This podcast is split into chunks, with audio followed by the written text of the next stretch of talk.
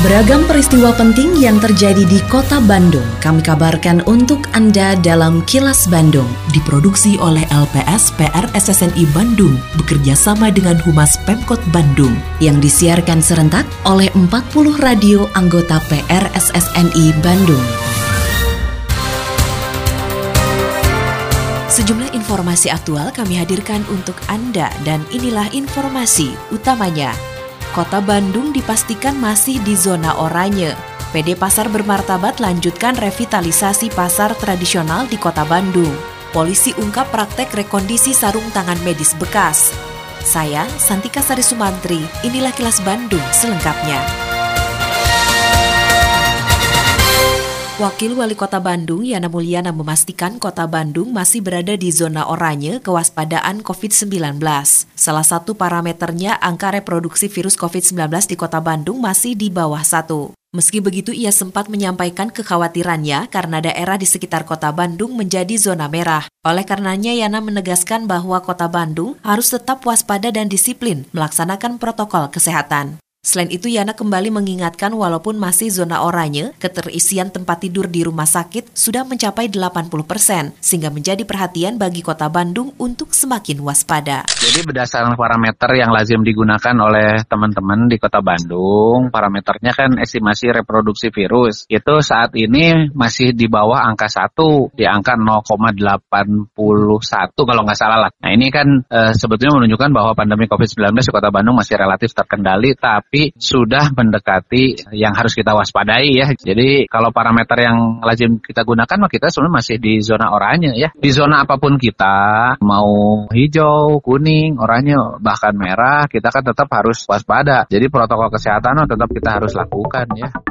Wali Kota Bandung Oded M. Daniel menyatakan kanal televisi satelit Bandung 132 akan tetap beroperasi meskipun kegiatan belajar mengajar melalui sekolah tatap muka kembali dilaksanakan. Menurut Oded, kanal televisi tersebut nantinya dapat digunakan untuk sosialisasi kebijakan pemerintah kota Bandung kepada masyarakat, termasuk kegiatan-kegiatan lain yang membutuhkan media penyebar luasan informasi. Sebelumnya saluran televisi satelit Bandung 132 digunakan oleh Dinas Pendidikan Kota Bandung sebagai sarana pembelajaran jarak jauh bagi siswa tingkat SD dan SMP di masa pandemi COVID-19.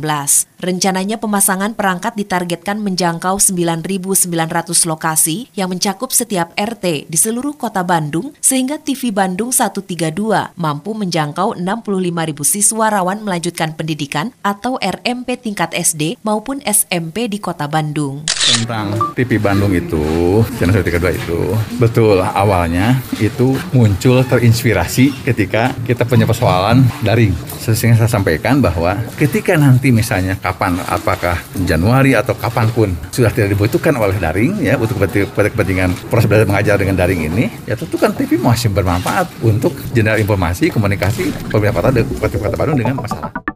Revitalisasi dan penataan pasar akan terus dilakukan oleh PD Pasar Bermartabat Kota Bandung untuk menjadikan pasar tradisional lebih nyaman, bersih, dan sehat. Direktur Utama PD Pasar Bermartabat Kota Bandung, Heri Hermawan, mengatakan sejumlah pasar tradisional yang sudah direvitalisasi, antara lain Pasar Gede Bage, Pasar Sarijadi, Pasar Kosambi, Pasar Sederhana, dan Pasar Cihaur Gelis. Revitalisasi akan terus dilanjutkan tahun depan karena tahun 2020 ini tidak ada kegiatan revitalisasi akibat terdampak pandemi COVID-19.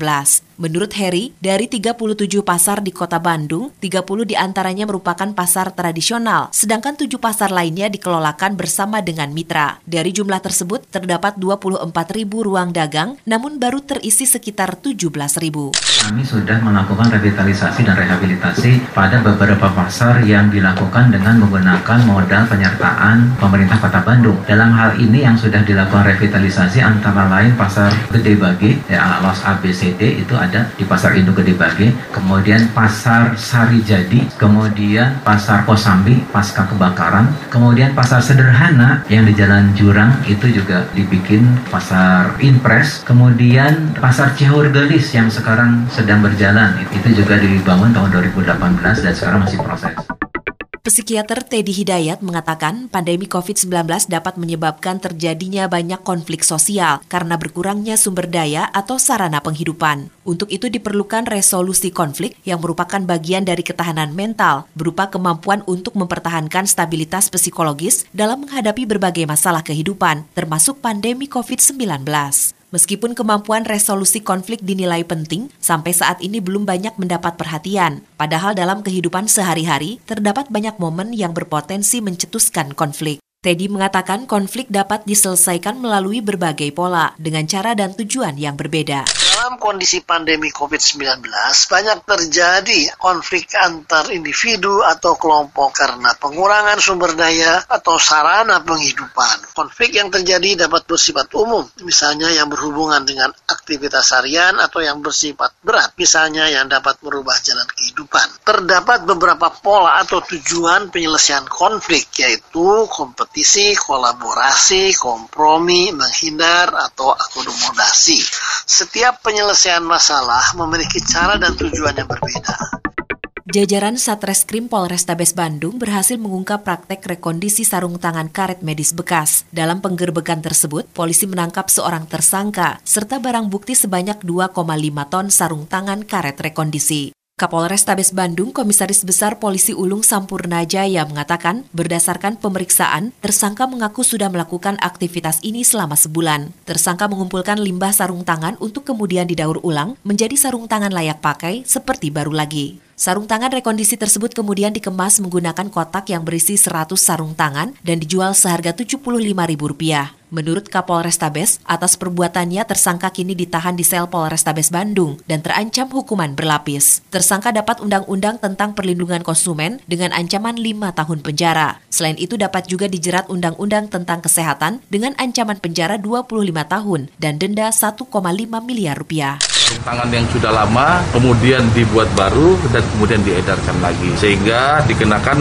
oleh penyidik yaitu dengan undang-undang perlindungan konsumen dan kesehatan. Adapun dari pengakuan tersangka mereka sudah melakukan kegiatan ini selama satu bulan. Tetapi dilihat dari barang bukti maupun tempat pembuatannya mungkin diperkirakan sudah sampai enam bulan.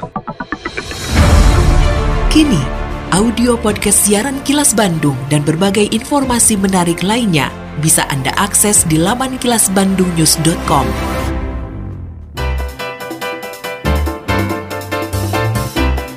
Berikut sejumlah agenda kerja para pejabat Pemkot Bandung Selasa 24 November 2020. Wali Kota Oded M. Daniel membuka sosialisasi kebijakan pemerintah dan dukungan masyarakat dalam memberdayakan penyandang disabilitas. Sementara itu Wakil Wali Kota Yana Mulyana menghadiri launching Kampung Wisata Kreatif Cigadung di Aula Kecamatan Cibenying Kaler. Selanjutnya memberikan sambutan pada Lokakarya Forum Musyawarah Tingkat Kota Business Development Center tahun 2020.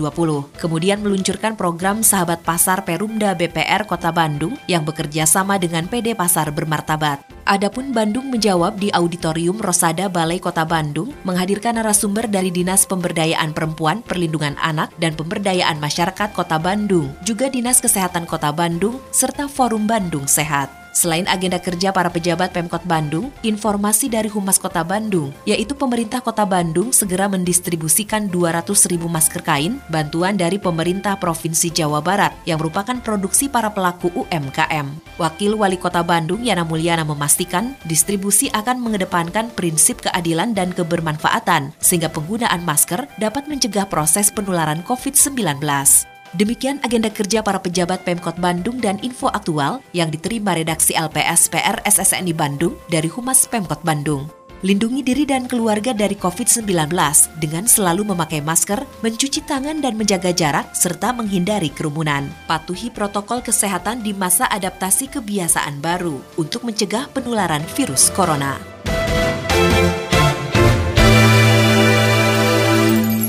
Terima kasih Anda telah menyimak Kilas Bandung bekerja sama dengan Humas Pemerintah Kota Bandung yang diproduksi oleh LPSPR SSNI Bandung.